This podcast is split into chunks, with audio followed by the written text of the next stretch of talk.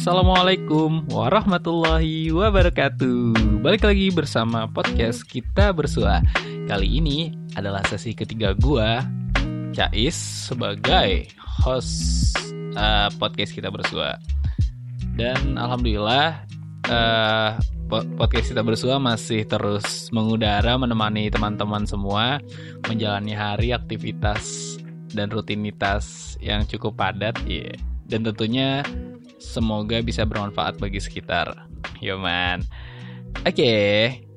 Uh, eh, kali ini Cais uh, nggak seperti biasa yaitu biasanya kan datengin nggak biasa sih berdua kali tapi rencananya emangnya ke depannya mau kayak gitu mau datengin narasumber-narasumber supaya uh, eh, gue bisa dapat ilmu-ilmu baru dan tentunya membuka perspektif uh, secara luas gitu ya terhadap orang-orang di luar.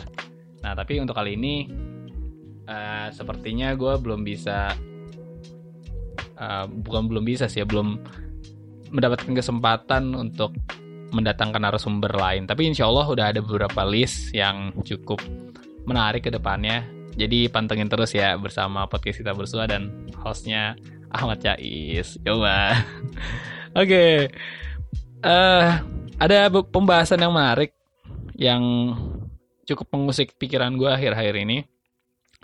Yaitu tentang keluarga, yo man. Antara ya iyalah keluarga definisi keluarga kan sih apa ya pertemuan antara ibu dan ayah gitu ya bersatu menjadi sebuah keluarga gak tahu itu barusan cuma kata-kata saya aja tapi yang menjadi menarik dari keluarga adalah tentang sekufunya. Banyak sih beberapa definisi. Uh, secara diksinya memang macam-macam tapi sekufu ini kalau ditarik benang merah adalah sama ya atau setara gitu lah ya. Nah, tapi di sini coba saya ingin menafsirkan berbeda dari perspektif uh, sekufu yang cukup banyak nanti. Coba uh, eh, gue turunin ya. gue kadang-kadang gue kadang-kadang saya Abdi, aduh, orang ya pokoknya nikmatin aja lah ya. Oke, gitu. Jadi sekufu ini menarik gitu bagi gue akhir-akhir ini untuk dikaji jadi what the view view astagfirullah kamu sudah berpikiran tidak tidak oke okay. jadi hmm, oh iya sebelumnya Ahmad Cais biasanya Ahmad Cais biasanya saya saya lagi ya oke okay lah biasanya uh, dibuka atau sesi Cais dengan pantun ya nah, biasalah ada pantun sedikit buat teman-teman yang uh, lagi serius banget yang dengerin. Sebenarnya materinya yang dibilang berat juga enggak, dibilang ringan juga enggak, tapi santai aja gitu ya. Jadi pantunnya gini teman-teman. Ayah ingin ke Banda Nera. Ibu maunya ke Pulau Roti. Jika tujuan keluarga tidak satu suara, hendak ke mana kapal berhenti yo man cakep gitu Iya, jadi kapal kapal keluarga berlabuh ke mana nantinya kan begitu. Karena nantinya bakal uh, selain ada nahkoda dan konahkoda gitu ya, konahkoda.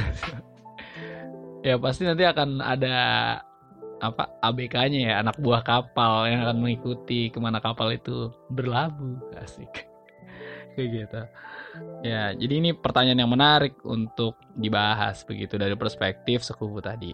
Sebelum masuk uh, beberapa perbincangan kita yang akan kita bahas beberapa jam ke depan uh, saya juga ingin mengucapkan terima kasih juga kepada host-host yang lainnya ya yang masih membersamai saya ya dalam uh, ya membimbing dan segala macamnya gitu ya. Ada Kak Fajri, Kak Fajrian, Kak Fajri, Fajri mah anak itu pres BMTS. Enggak maaf kak. Oke, ada Fajrian. Uh, yang kebetulan sudah berlabuh juga nih kan. Kita pengen ngomongin keluarga, nah Kak Fajrian atau biasa saya panggil Mamang Akang ya. Kang Fajrian ini sudah menemukan uh, belahan hatinya yang sempat hilang. Entah ke mana asik. Dan ini jadi pembahasan menarik buat Kang Fajrian sore halo Kang Fajrian. Oke selanjutnya ada Kak Shirley biasa kalau yang ini memang wah hampir setiap hari berlabuh ke mana-mana kan ngisi materi di mana-mana gitu. Saya juga bingung kan tenaganya ekstra banget kayak gitu. Yang ketiga ada Pai Jules atau Kapai. Sebenarnya tadi mau coba gantiin sesi saya pekan ini ya karena memang uh, belum mendapatkan narasumber gitu kan. Jadi mau digantiin Kapai dulu tapi ternyata lagi sibuk juga sedang terbang ke mana-mana Kapai oke terima kasih yang masih membersamai gue Cais di host podcast kita kali ini dan tetap semangat buat teman-teman semua yang mendengarkan podcast kita bersua yang mungkin lagi di jalan atau lagi mengerjakan tugas uh, tugas kantor, tugas kuliah, tugas akhir yang tidak berakhir-akhir, masya Allah. tugas akhir tidak berakhir-akhir. Iya gak apa-apa. Karena kalau yang sedang mengerjakan tugas akhir tuh mendapatkan SKS baru secara tidak langsung teman-teman. SKS pertama, SKS mental kan ya. Kapan ditanya lulus ya kan? Terus kapan ditanya setelah lulus mau ngapain? Iya. Yeah. Pokoknya itu SKS mental benar-benar menguji teman-teman. Pengalaman Jais. Iya. Yeah oke gitu ya dan mungkin teman-teman bisa menyambi relasi ya jangan cuma ngerjain tugas akhir doang karena memang nampaknya relasi itu powerful juga oke. Okay.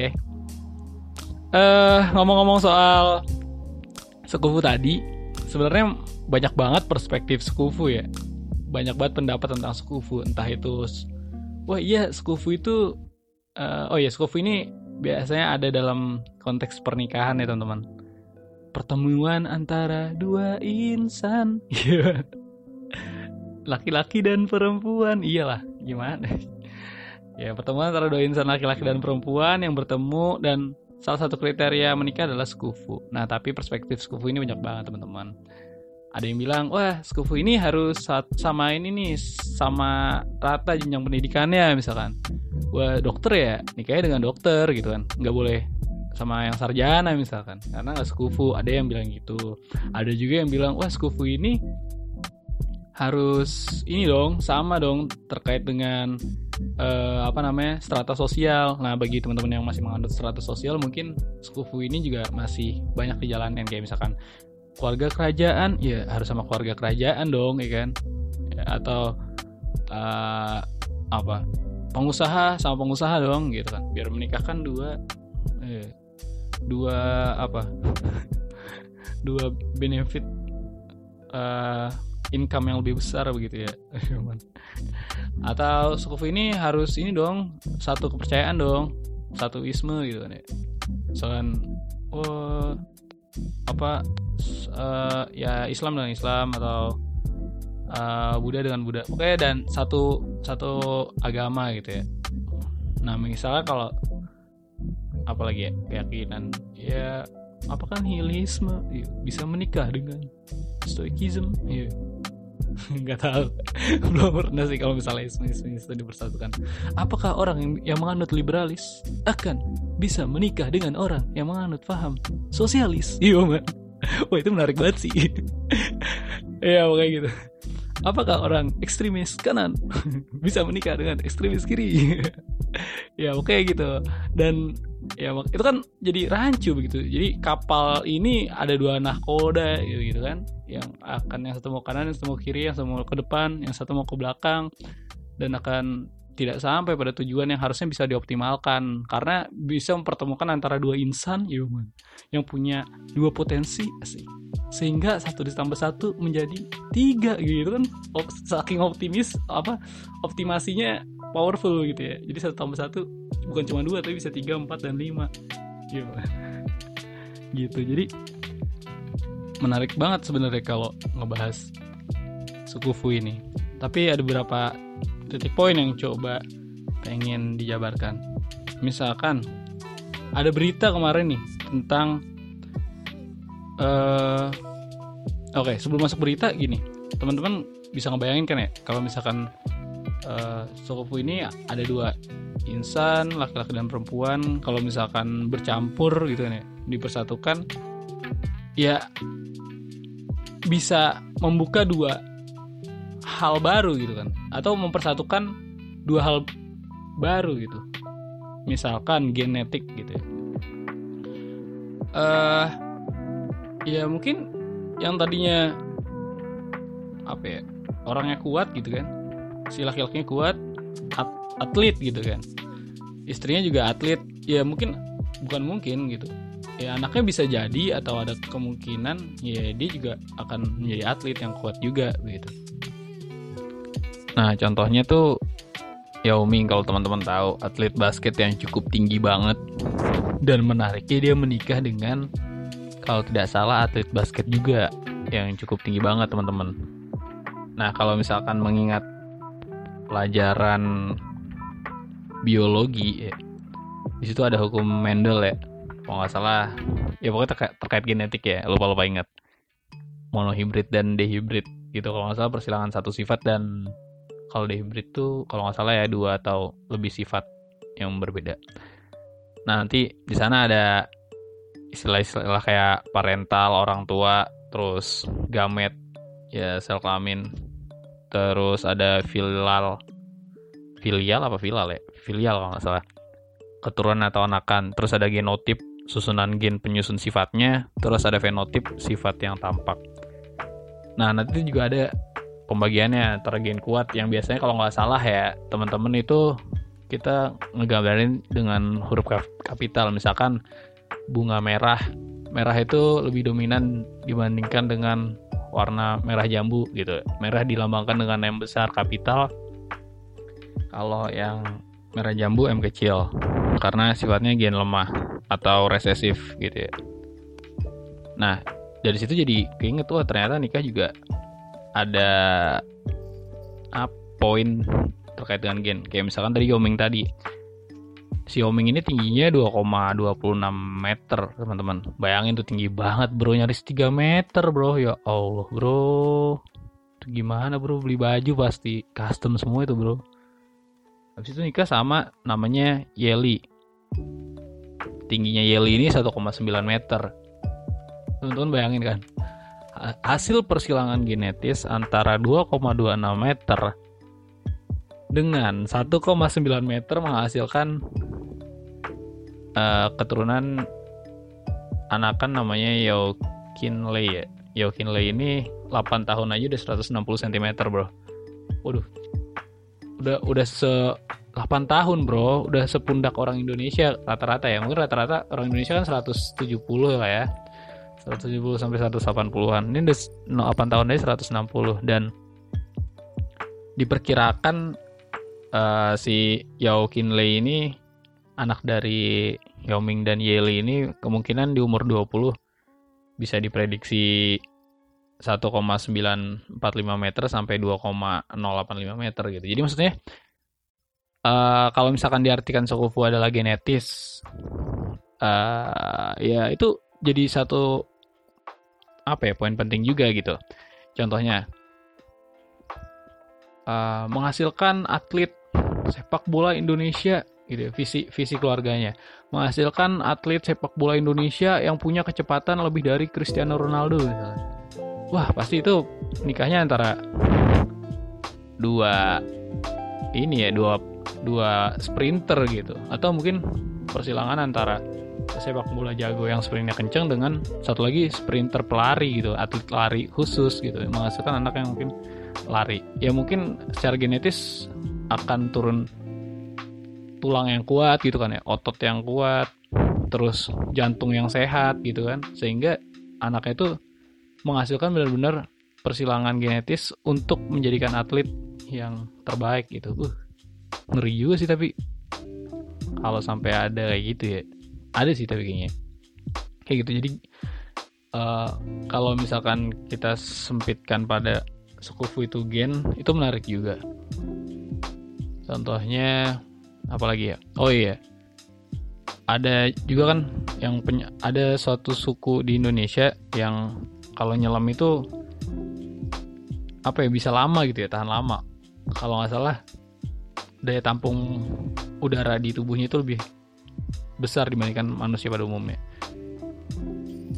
Nah itu maksudnya gen itu berpengaruh banget. Kayak tadi suku Bajau ya yang di Kalimantan Selatan dia bisa menyelam 70 meter bro. Eh iya bro 70 meter bro dalamannya bro. Orang biasa mungkin agak bukan cukup sulit ya dan butuh alat bantu untuk menyelam sampai 70 meter dan bisa bertahan selama 13 menit aktivitas suku Bajau seharinya itu 60% dihabiskan di apa di dalam laut gitu dan ternyata limpa suku Bajau sendiri 50% lebih besar dibandingkan dengan limpa orang pada umumnya. Nah, akhirnya si gen suku Bajau ini dinamakan dengan gen PDE 10A. PDE kapital 10, A-nya kapital 10A. Nah, ini diteliti sama uh, Ilardo. Hmm, namanya Ilardo nih seorang pasca sarjana molekuler Universitas UTA. Jadi ya akhirnya dari entah sih ini memang teorinya mungkin akan cukup banyak tapi saya nggak akan nggak pengen mencoba lebih jauh ke menyentuh teori tapi ya akhirnya satu suku itu uh, karena persilangan antar suku sehingga ya dia masih memiliki kemungkinan gitu ya uh, memiliki nilai plus bahwa dia bisa menyelam gitu uh, yang dengan kedalaman dan waktu juga yang lebih punya apa ya, nilai plus dibanding orang-orang lainnya gitu. Jadi genetis penting juga untuk diperhatikan juga ya gitu. Kalau sekufu itu terkait dengan genetis. Selanjutnya menarik juga terkait dengan budaya. Budaya bahasa ya terutama saya pengen uh, mempersempit ke sana. Karena budaya banyak banget. Contohnya budaya bahasa, teman-teman pernah dengar yang namanya polyglot kan ya? Dari bahasa Yunani kalau nggak salah, poly artinya banyak, glota itu lidah. Jadi polyglot ini manusia atau orang yang mempunyai uh, atau memiliki kemampuan berbahasa banyak gitu. Kalau misalkan dua disebut uh, bilingual, terus kalau tiga bahasa trilingual, empat atau lebih multilingual atau polyglot gitu. Ada penelitian juga yang ternyata tuh anak-anak uh, punya kemampuan atau fase peka bahasa anak gitu ya. Ini menurut komunitas polyglot Indonesia sih di umur 8 sampai 10 tahun. Jadi itu fase baik untuk mendidik anak menjadi anak yang polyglot atau fase bahasanya dia gitu. Nah, di dunia sendiri kalau menurut komunitas polyglot Indonesia apa namanya dia ungkapkan bahwa hanya 13% yang memakai satu bahasa yang hanya memakai satu bahasa saja gitu. Selebihnya setidaknya menggunakan dua bahasa atau lebih. Nah, coba kalau misalkan kita menelisik uh, di lingkungan kita lingkungan kita sendiri ya. Umumnya orang Indo kan memiliki dua bahasa ya. Bahasa daerah sama bahasa Persatuan Republik Indonesia. NKRI harga mati. ya maksudnya uh, banyak orang Indonesia bahkan ketika orang tuanya itu beda daerah pun dia bisa ada bahasa tambahan daerah lagi misalkan orang Jawa nikah dengan orang Sunda jadi bisa orang bisa rata-rata ada kemampuan atau kesempatan untuk bisa berbahasa Jawa dan Sunda lebih uh, luas dibandingkan orang yang tidak memiliki keturunan bahasa ibu gitu ya atau bahasa orang tua gitu. Dan bahasa lingkungan itu menggunakan bahasa Indonesia. Nah coba aja kalau misalkan uh, ibu itu punya bahasa Jawa tapi dia orang Indonesia gitu. Sedangkan ayah orang Sunda tapi dia juga punya kemampuan bahasa Jepang. Berarti setidaknya anak tuh punya kesempatan untuk memiliki empat bahasa. Bahasa Jawa, bahasa Sunda, bahasa Indonesia, dan juga bahasa Jepang. Nah kita juga pernah deng pernah lihat ya kalau nggak salah dulu ada video anak kecil yang dia tuh dikasih kuis gitu di acara TV TV Rusia kalau nggak salah. Tapi saya ngeliatnya di YouTube atau di IG nah dia tuh B, kalau nggak salah namanya Bella Deviatkina umurnya 4 tahun tuh doi nah doi ini uh, mem, apa ya memiliki kemampuan tujuh bahasa gitu. Dan ternyata ibu Bella itu sejak kecil diajarkan native Rusia dan Inggris karena memang orang tuanya uh, orang Rusia gitu. Dan juga mungkin 11 12 ya sama Inggris juga dan minat Bella tuh keliat terlihat ya dalam segi bahasanya. Sehingga diajarin tuh sama ibunya buat nguasain uh, sedikitnya tujuh bahasa lanjutan gitu. Ada juga Gayatri Walisa, gadis 17 tahun. Ya, teman-teman bisa berita uh, baca beritanya sih di detik.com. Dia bisa 9 sampai 14 bahasa. Terus ada Fremita uh, Mbak orang Jogja gitu ya. Dan bisa menguasai 11 bahasa. Jadi kayaknya budaya di keluarga ini menjadi kelas menarik terutama kelas bahasa gitu ya. Di luar ada kelas-kelas yang lain lah tapi kalau saya persempit di kelas bahasa juga ini menjadi kelas yang baik buat anak-anak. Nah akhirnya saya bercermin juga nih harus banyak belajar bahasa lagi buat anaknya menjadi powerful ya itu idealisme idealitas gitu ya tapi realitas terlalu ya juga harus dilihat begitu. Nah kalau misalkan tadi ada lingual itu bahasa, bilingual itu dia memiliki dua bahasa, trilingual tiga bahasa, multilingual itu empat atau lebih bahasa atau disebut polyglot. Nah ada juga ya menurut Richard Hudson itu ada namanya hyperpolyglot yang lebih dari enam bahasa. Oh menarik banget ya. Nah Mamang Fajrian, yuk. Kalau misalkan anaknya polyglot menarik tuh. Nah, trigger polyglot juga ada budaya. Nah, seperti kita tahu, budaya kan bisa punya uh, trigger tersendiri. Misalkan ada orang yang suka K-pop, ya kan? Akhirnya, uh, ya gimana mau bisa mengikuti lirik dari K-pop tersebut kan? Kalau misalnya kita nggak belajar budaya. Nah, bahasanya Korea misalkan ya akhirnya belajar nah itu jadi trigger sendiri budaya misalkan suka anim ya gitu ya. Akhirnya dia belajar bahasa Jepang dan sebagainya dan sebagainya. Terus ada juga bisnis. Nah itu juga jadi trigger polyglot juga ternyata. Kayak pariwisata memperluas jejaring dan sebagainya.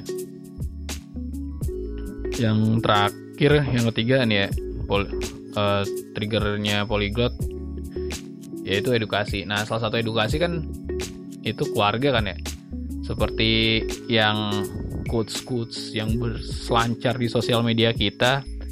Salah satunya yang kata Hafiz Ibrahim ya, syair dari Hafiz Ibrahim, Al Umum Madrasatul Ula, Aliza Adata Adata Syaban, Toibal Arok, ya kan.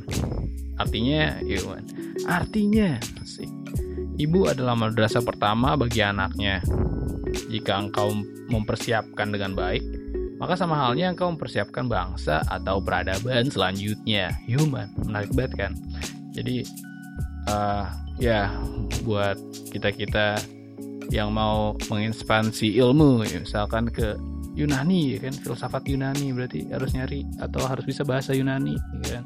Karena kita mendapatkan ilmu langsung dari sumber-sumber Yunani misalnya itu kan menarik. Ini menarik banget kalau misalkan dia bisa bahasa Inggris untuk uh, pendekatan ilmu baratnya, bahasa Arab pendekatan ilmu timurnya kan, bahasa Yunani. Yunani pendekatan apa ya? pendekatan falsafah awal mula ilmu berkembang. Iya gitu. Jadi timur dapat, barat dapat ya. Yunani kuno juga dapat. Atau mungkin sumber-sumber ilmu yang lain gitu ya kayak apa Ibrani dan sebagainya dan sebagainya. Ya kalau katanya Dokter Fahrudin Faiz, ya barang siapa yang menguasai bahasa dan logika, maka dia akan jaya. Yo, bener banget sih kayaknya. Jadi bahasa itu buat ngakses pintu-pintu ilmu gitu di luar sana. Iya, pintu-pintu yang lain kayak pintu bisnis, pintu jejaring itu nilai plus lah ya. Tapi kan kayaknya yang paling menarik menurut saya ya ilmu-ilmunya gitu kan. Jadi pintu ilmunya dapet, terus logika juga sebagai filter atas ilmu-ilmu. Apa iya gini? Kayak kira mempertanyakan ilmu-ilmu tersebut. Wah itu jaya banget sih bener gitu nah gitu ya terkait dengan polyglot jadi satu perspektif uh, sekufu tentang budaya jadi bisa jadi sekufu itu satu budaya dan jadi jadinya hasil apa namanya genotip dan fenotip. Atau keturunan yang uh, powerful banget terkait dengan budaya bahasa dan budaya yang lainnya kalau teman-teman mau. Visinya ke arah budaya yang lain. Budaya belajar misalnya. Wah budaya belajar orang Jepang ternyata lebih uh, apa ya produktif. Akhirnya disilangkan dengan budaya belajar orang timur gitu. Yang ternyata lebih oke okay saat mengambil hikmah-hikmah di alam gitu kan. Uh tuh keren banget sih kayaknya. Jadi gitu terkait dengan budaya suku budaya. Lanjut cita-cita. Saya pengen uh, ngambil perspektif dari sekufu terhadap cita-cita.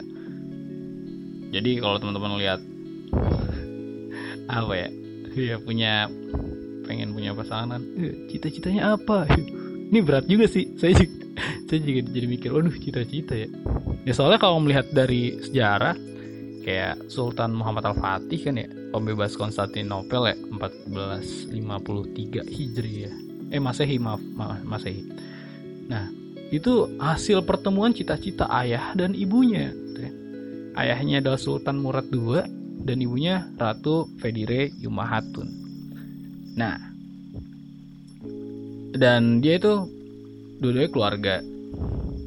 Uh, apa ya keluarga kerajaan lah ya, keluarga sultan gitu ya. Terus waktu itu uh, apalah hasil dari persilangan Sultan Murad II sebagai ayah yang nantinya akan melahirkan Muhammad Al-Fatih dan ibunya Ratu Velde Yumahatun ini nanti bisa dikoreksi sih kalau misalkan ada kesalahan karena sumbernya cukup banyak sih. Uh, saya baca-baca juga kan. Nah ada nanti melahirkan Sultan Alauddin yang itu nantinya wafat dan juga Sultan Muhammad Al-Fatih yang akan meneruskan kepemimpinan ayahnya.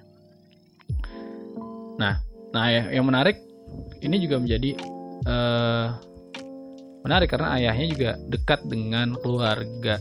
Uh, sahabat-sahabatnya ada yang apa namanya alim ulama begitu ya sehingga ayahnya mendidiknya dengan pendekatan keluarga juga dan juga alim ulama.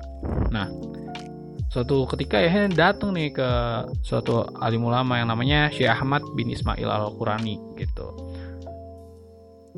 Nah, waktu kecil ini uh, Muhammad Al Fatih sempat inilah ya yang namanya keluarga kerajaan gitu kan. Jadi merah uh, apa uh, sempat seperti anak kecil pada umumnya lah gitu. Banyak uh, apa agak sedikit malas-malasan. Gitu. Nah, akhirnya didatangkanlah ke Syekh Ahmad bin Ismail Al-Qurani tadi. Ayahnya bilang gitu, saya akan menyerahkan pendidikan anak saya kepadamu gitu. Terus diserahkan juga tuh sama kayu waktu itu. Ajari anak saya ilmu. Ya, kalau tidak mau belajar gitu. Kalau si Muhammad Al-Fatih ini nggak mau belajar, pukul dia dengan kayu gitu. Jadi serius gitu. Ada visi yang pengen dijalankan gitu. Walaupun uh, terlepas dari pendekatan-pendekatan yang uh, pro kontra, uh, tapi ya saya menangkap ada visi yang jelas gitu dari ayahnya. Dan ibunya juga. Jadi setiap pagi itu selesai sholat subuh ibunya mau membawa Muhammad Al Fatih nih berjalan keluar gitu. Terus nunjukin letak di mana benteng Konstantinopel bro. Tuh bro bisa bahasa gue gitu ya. Tuh bro. Nih tih gitu ya. Ini tuh benteng tuh Konstantinopel ya. Nah namamu tuh uh, Muhammad Al Fatih gitu ya. Ada nama Nabi kita Nabi Muhammad SAW Allahumma sholli wa berkali Terus Nabi kita yang pernah mengatakan benteng itu pasti akan ditaklukkan dan kamu adalah penakluknya. Bayangin boy, lu waktu kecil kan ya sama ibu lu didatengin. Is, tuh lu lihat, iya kan, planet Mars, lu bakal ke planet Mars nanti. Setiap hari gitu habis subuh, lu bakal ke planet Mars nanti, lu bakal ke planet Mars nanti, lu bakal ke planet Mars nanti. Iya. Walaupun gue waktu kecil juga sempat baca-baca buku Pediasur ya, hadiah susu. Pediasur sama dinosaurus dinosaurus, udah. Gue suka banget dulu bintang-bintang ya. Gue sampai apal, sampai dulu tuh masih ada zamannya Pluto. Iya, jadi ngomongin planet-planet. Jadi waktu kecil gue cita-citanya pengen jadi astronot. Oke. Okay. Jadi gitu lu bayangin aja ketika kita kecil ya, terus sama ibu kita dibilangin, ayo lu harus uh, apa? Bukan harus itu planet Mars, planet Mars atau kalau misalnya Muhammad Al Fatih itu benteng Konstantinopel, benteng Konstantinopel. Jadi kalau misalkan dibaratkan waktu pada zaman itu jika ada ada pengistilahannya bahwa jika dunia ini adalah satu kesatuan kerajaan maka uh, pusat kerajaannya adalah benteng Konstantinopel karena saking megahnya pada saat itu gitu. Nah Konstantinopel ini akan jatuh. Uh, ini menurut hadis ya hadis uh, riwayat Ahmad. Kota Konstantinopel ini akan jatuh ke tangan Islam. Pemimpin yang menaklukkannya adalah sebaik-baik pemimpin dan pasukannya di bawah komando adalah sebaik-baik pasukan. Di bawah komandonya adalah sebaik-baik pasukan. Hadis riwayat Ahmad.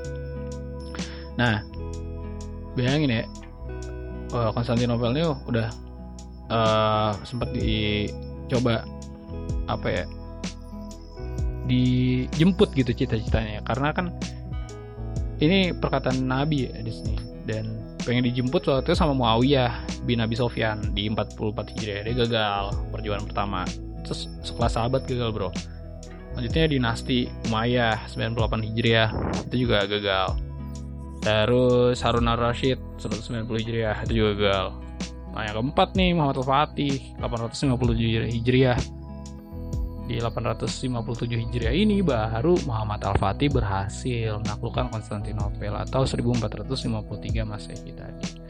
Nah ada pelajaran menarik sih karena kayaknya uh, pemuda ini punya apa namanya jalan-jalan baru gitu, jalan ninja yang baru gitu trik-trik baru yang gak punya atau yang tidak dimiliki oleh orang tua, orang tua sebelumnya. Kayak gitu. Jadi pertemuan dua cita-cita ini menjadi penting gitu. Jadi bayangin aja ketika ada si bapak ya kan datang bawa CV-nya ya kan.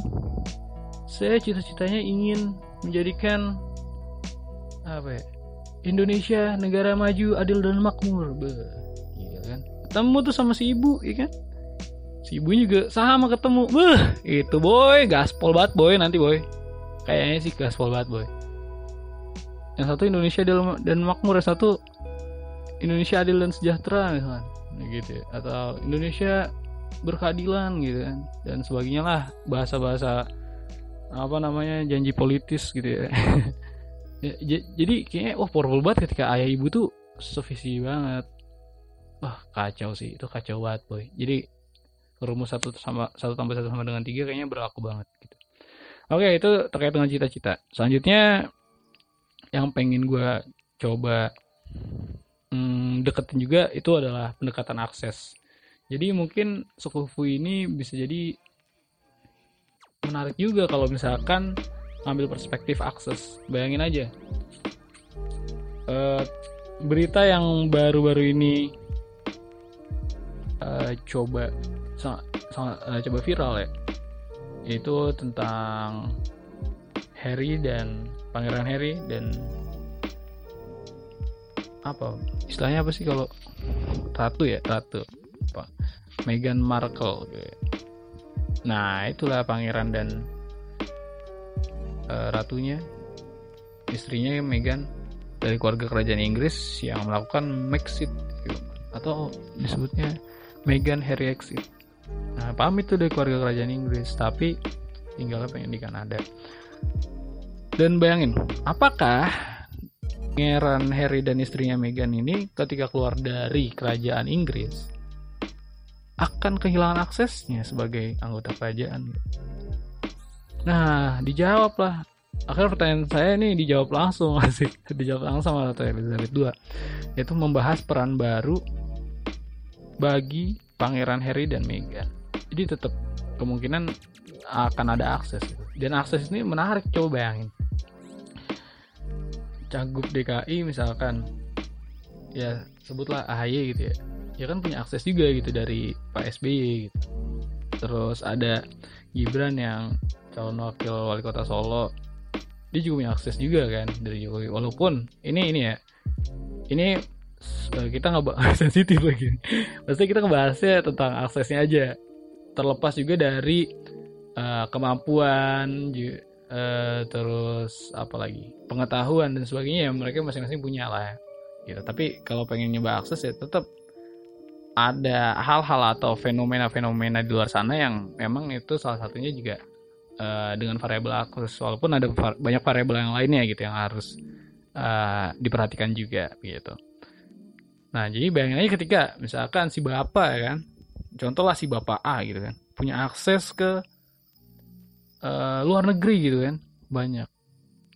Udah kenal lah ke mana-mana memang kerjaannya keliling luar negeri. Yang si B ibunya gitu kan? Aksesnya ke daerah-daerah pelosok gitu. Ya kan? Jadi emang kerjanya dari dulu pengabdian pengabdian masyarakat pengabdian masyarakat gitu. Buh, jadi aksesnya ke daerah-daerah terpencil gitu kan. Yang bahkan di Google aja nggak ada. Bayangin ketika pertemuan dua akses lintas negara si bapaknya tadi kan konferensi-konferensi internasional, pertemuan internasional dan, segala macamnya, ketemu dengan ibu yang punya akses ke daerah-daerah. Jadi saya bis, eh bukan tebakan saya, secara nggak langsung daerah daerah-daerah terpencil itu nanti akan punya akses ke dunia internasional akibat hubungan dari bertemunya antara si bapak dan si ibu tadi. Kacau sih ini mah kacau banget menurut menurut gue sih kacau banget bro. Itu prediksi bisa benar bisa salah tapi prediksi selalu punya uh, kesempatan seperti anda mengocok dadu. Tapi kan nggak mungkin kan ketika lu kocok dadu yang keluarnya kelinci gitu itu sulap namanya tapi kalau misalkan logika kan ada prediksi-prediksi kayak gitu kayak gitu teman-teman jadi ya salah satu untuk uh, membuat daerah-daerah kita itu maju adalah menikahkan orang-orang daerah dengan orang-orang lintas negara. Jika maka ya. Itu logika kausalitas. Ya, itu teman-teman. Bisa jadi, bisa enggak. Tapi itu tentu ada prediksi-prediksinya. Selanjutnya ada mindset. Kayak tadi yang sempat saya singgung uh, di awal. Nah, mindset ini jadi cukup yang menarik juga sebenarnya. Kalau misalkan kita ambil mindset itu dari parameter pendidikan, ya jelas atuh beda orang yang uh, bergelar profesor ya, walaupun ini apa ya physically gitu ya kelihatan profesor, tapi memang secara mindset pasti akan berbeda lah. Cara menghabiskan uang nih, coba kita uji misalkan. Cara menghabiskan uang satu juta atau seratus ribu lah, gitu ya. Ya ya satu ribu terlalu kecil atau terlalu besar? Satu juta gitu ya. Menghabiskan uang satu juta yang satunya dikasih profesor yang satu dikasih eh apa ya? Sarjana gitu. Itulah ya mungkin oh, profesor merubah uang satu juta itu menjadi penelitian gitu kan ya. Terus menjadi hak cipta sehingga nanti satu juta itu hak ciptanya akan dipakai dan menjadi pasif income gitu. Dan uang-uangnya akan uh, dari penelitiannya profesor bisa jadi pasif income dari satu juta itu. Misalkan pasif income-nya seratus ribu seratus ribu seratus ribu dan terus menerus. Sedangkan orang yang sarjana misalnya uh, karena baru masuk kampus gitu kan terus melihat banyak dunia hal yang menarik gitu. Akhirnya satu juta itu dipakai untuk pengalaman. Kan bisa aja satu juta jadi pengalaman. Misalkan jalan-jalan atau uh, apa ya, jalan-jalan ke daerah-daerah ya dia jadi uh, bentuknya experience pengalaman diri dia pribadi dan jadi ilmu di masa depan. Oh ternyata dulu saya pernah ke sini atau saya dulu pernah salah nih di perjalanan ini misalkan tersesat wah akhirnya dia punya ilmu selanjutnya. Nanti kalau misalnya selanjutnya ada perjalanan lagi dia bakalan bawa kompas misalnya. Nah itu kan jadi pengalaman experience. Yang satu jadi hak cipta yang satu jadi experience. Satu juta itu kan beda ya cara berpikir nah bayangin aja ketika ayah ibu itu punya mindset yang hampir serupa. Ya dua-duanya profesor misalnya. Ya jadi powerful juga gitu. Walaupun lagi-lagi terlepas dari realitas ya. Uh, ada juga nanti yang akan uh, eh nggak harus sih tapi ini juga jadi hal menarik sebenarnya. Ini kita ngebahas tentang uh, mindset jikalau ideal gitu nah bayangin aja dua profesor yang ah, menyelesaikan masalah uang satu juta. Oh itu menarik banget sih. Kayak gitu mindset ini jadi penting. Selanjutnya mindset apa lagi ya? Problem solver. Ya problem solving ini juga jadi menarik gitu kalau terkait dengan mindset. Ya bayangin aja teman-teman. Kalau misalkan nanti ada keluarga ayah dan ibu terus marahan gitu kan ya. Ya pasti ada marahan men. Nggak seru kan kalau nggak ada marahan. Oke oke sorry sorry. Gue so tau banget aja nikah aja belum. Gue so tau banget masya allah kayak gitu ya. Nah itu bayangin aja ketika nanti ada marahan yang satu si bapaknya ini udah baca buku sebulan 30 gitu ya, tentang dunia keluarga. Si ibu bacanya berita dia melalui berita tentang eh, fakta-fakta uh, yang ada di lapangan tentang permasalahan keluarga. Ya pasti ya punya cara pandang yang lebih luas lah gitu kedua orang tua itu menyelesaikan masalah permasalahan keluarga dan anaknya juga nanti bakal dapat cara pandang ibunya begitu kan dari hasil persilangan si orang tuanya Nah bayangin ketika ada dua orang yang mungkin yang satu jarang membaca, uh, jangan kan untuk baca buku atau baca berita gitu, akses untuk sana aja nggak punya gitu. Jadinya ya pasti akan berbeda juga gitu. Menyelesaikan masalah yang mungkin walaupun ada kemungkinan juga orang yang punya uh, apa namanya literasinya tinggi atau membaca beritanya kuat itu juga ada kemungkinan ya gagal tadi yang saya bilang tadi dadu tadi. Tapi membuka kesempatan lebih luas begitu. Untuk memecahkan masalah. Kalau misalkan tadi kasusnya adalah uh, problem solving. Ya, menyelesaikan masalah keluarga. Oke. Okay. selanjutnya ada akhlak. Nah suku ini jadi menarik juga kalau misalnya ngebahas akhlak. Bayangin aja gitu kan ya. Kalau misalkan kita ngambil uh, cerita akhlak seorang Nabi Ismail gitu. ya hasil persilangan dari Nabi Ibrahim dan juga Nabi Nabi Ibrahim dan juga uh, siapa namanya? Siti Hajar ya kalau nggak salah. Siti Hajar benar. Nah Siti Hajar.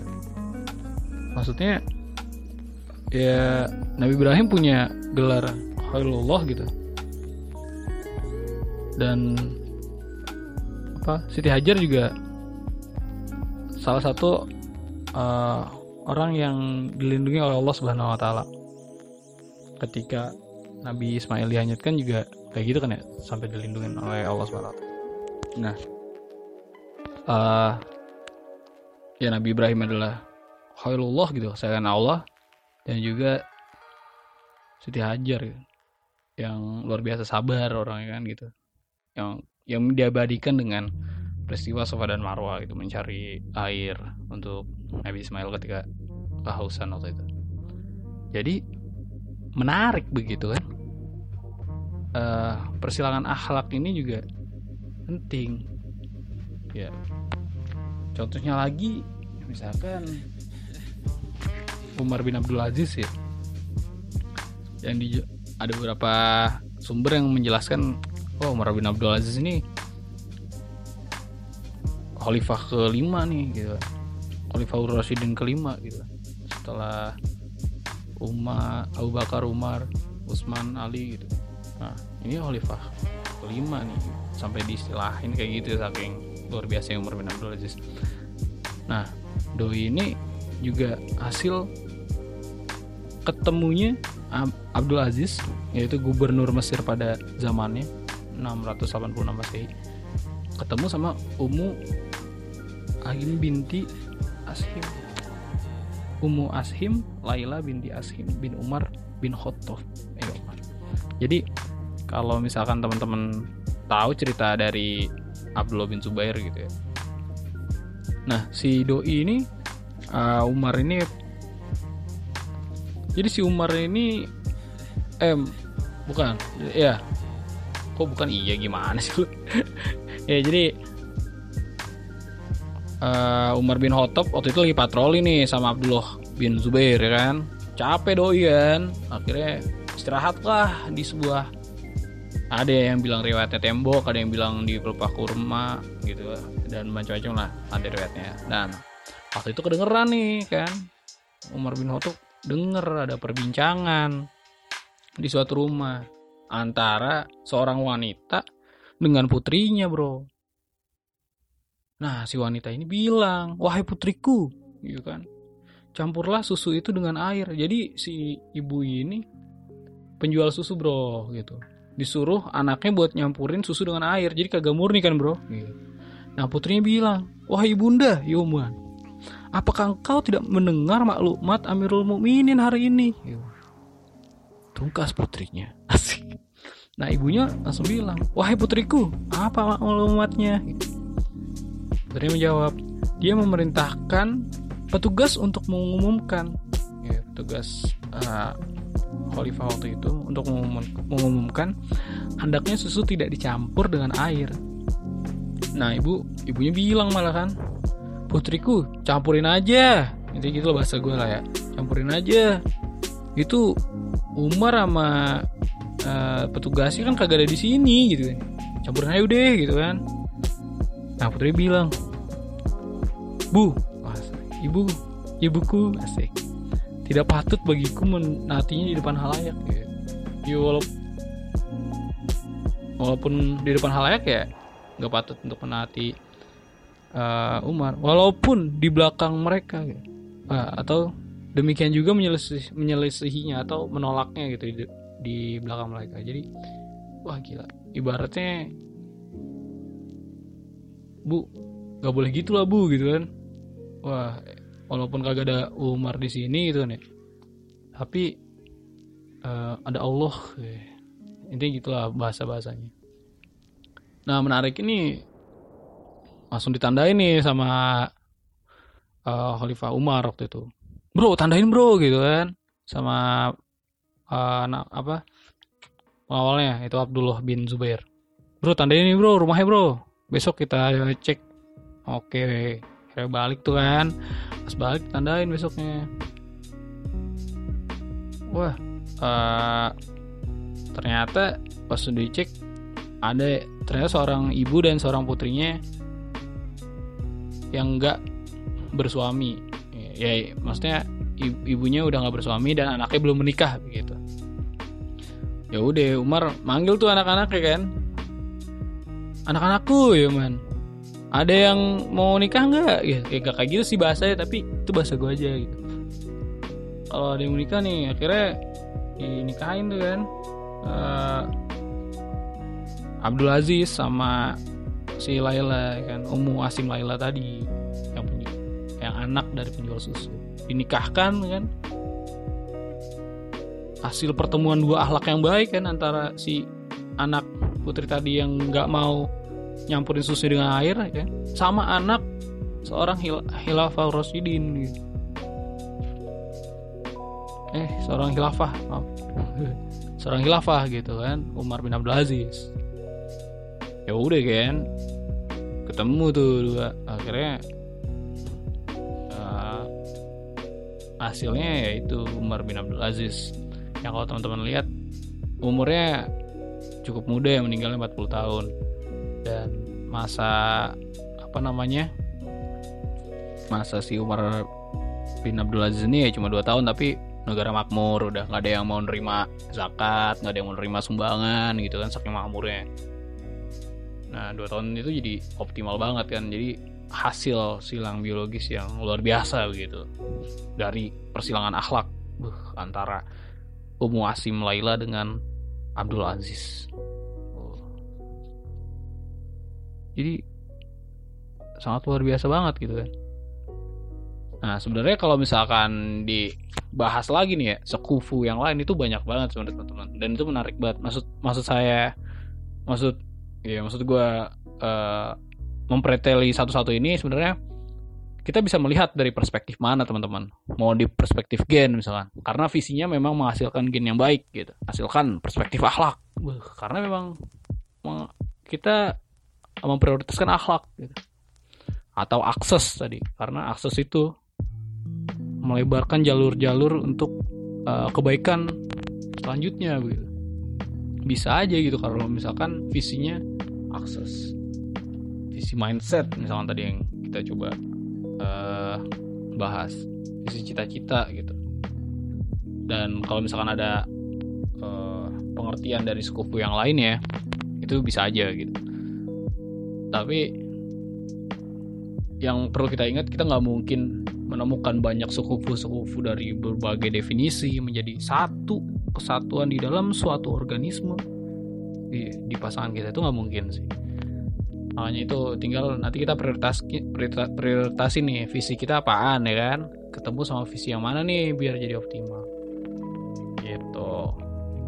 So tau banget gue ya kan um, udah nikah eh, belum nikah ya kan? Mana pemuda belum nikah ya kan? Tapi ini emang gue kadang-kadang suka mikir yang uh, banyak hal gitu sehingga ini jadi menarik buat dibahas. Bayangin aja kalau misalkan atlet kesebelasan timnas Indonesia yang tadi kan hasil dari ibu bapak atlet semua wah itu luar biasa kayaknya tuh kan. Atau misalkan wah atlet ini nih back ini butuh uh, back yang tinggi 200 300 eh 3 meter. Ya udah nikahin aja kan. Kalau misalkan dari perspektifnya genetis. Orang yang tinggi dengan orang tinggi terus dididik menjadi pemain bola misalkan. ya gitu. Dan banyak hal lain yang bisa kita pertemukan gitu dari suku ini. Dan akhirnya nanti kalau misalkan ketemu satu titik yang sama antara dua orang tadi ibu dan bapak calon ibu dan bapak akan jadi powerful banget teman-teman. Yang gue uh, pikir kayak gitu. Nah uh, walaupun ini salah satu opportunity baru ya atau kesempatan untuk memiliki kontribusi lompatan yang jauh lebih tinggi gitu jauh lebih tinggi lagi lebih luas lagi lebih dalam lebih impactful lagi untuk amal-amal perbaikan dari hasil pertemuan ibu dan bapak yang udah baik jadinya baik kuadrat gitu kan baik-baik banget ya nah terus juga jika mengingat dunia ini tuh luas banget bro ya kan? Gak mungkin lah sekeluarga itu apa namanya dia bisa menjadi petani juga sekaligus jadi pengolah roti sekaligus jadi pengolah uh, apa namanya eh, pengolah roti tadi pengolah bumbunya terus menyediakan restoran juga terus juga menjadi pelanggan juga. Nggak mungkin semuanya kita menjadi menjadi semua hal gitu. Karena kita harus memilih jadi individu itu mau bukan harus sih sebaiknya kita memilih. Dan bisa memilih individu yang lain menjadi dua individu yang memilih jalan keluarga juga gitu ya ke mana. Walaupun dunia ini banyak banget bagian-bagian ya kan gitu. Dan ya keluarga ini kalau kita pandang ya jadi wasilah kita gitu cara kita gitu. Selain dari akses dari passion anaknya itu sendiri atau minat yang dapat uh, nilai plus dari kedua orang tuanya atau lingkungan atau doa kerja keras jenjang pendidikan pengalaman apalagi jam terbang dan sebagainya lah gitu kan. Ya lagi-lagi ini hanya satu dari sekian juta perspektif di muka bumi ini belum lagi lu masukin variabel akhirat misalkan duh menurut gue makin luas lagi aja gitu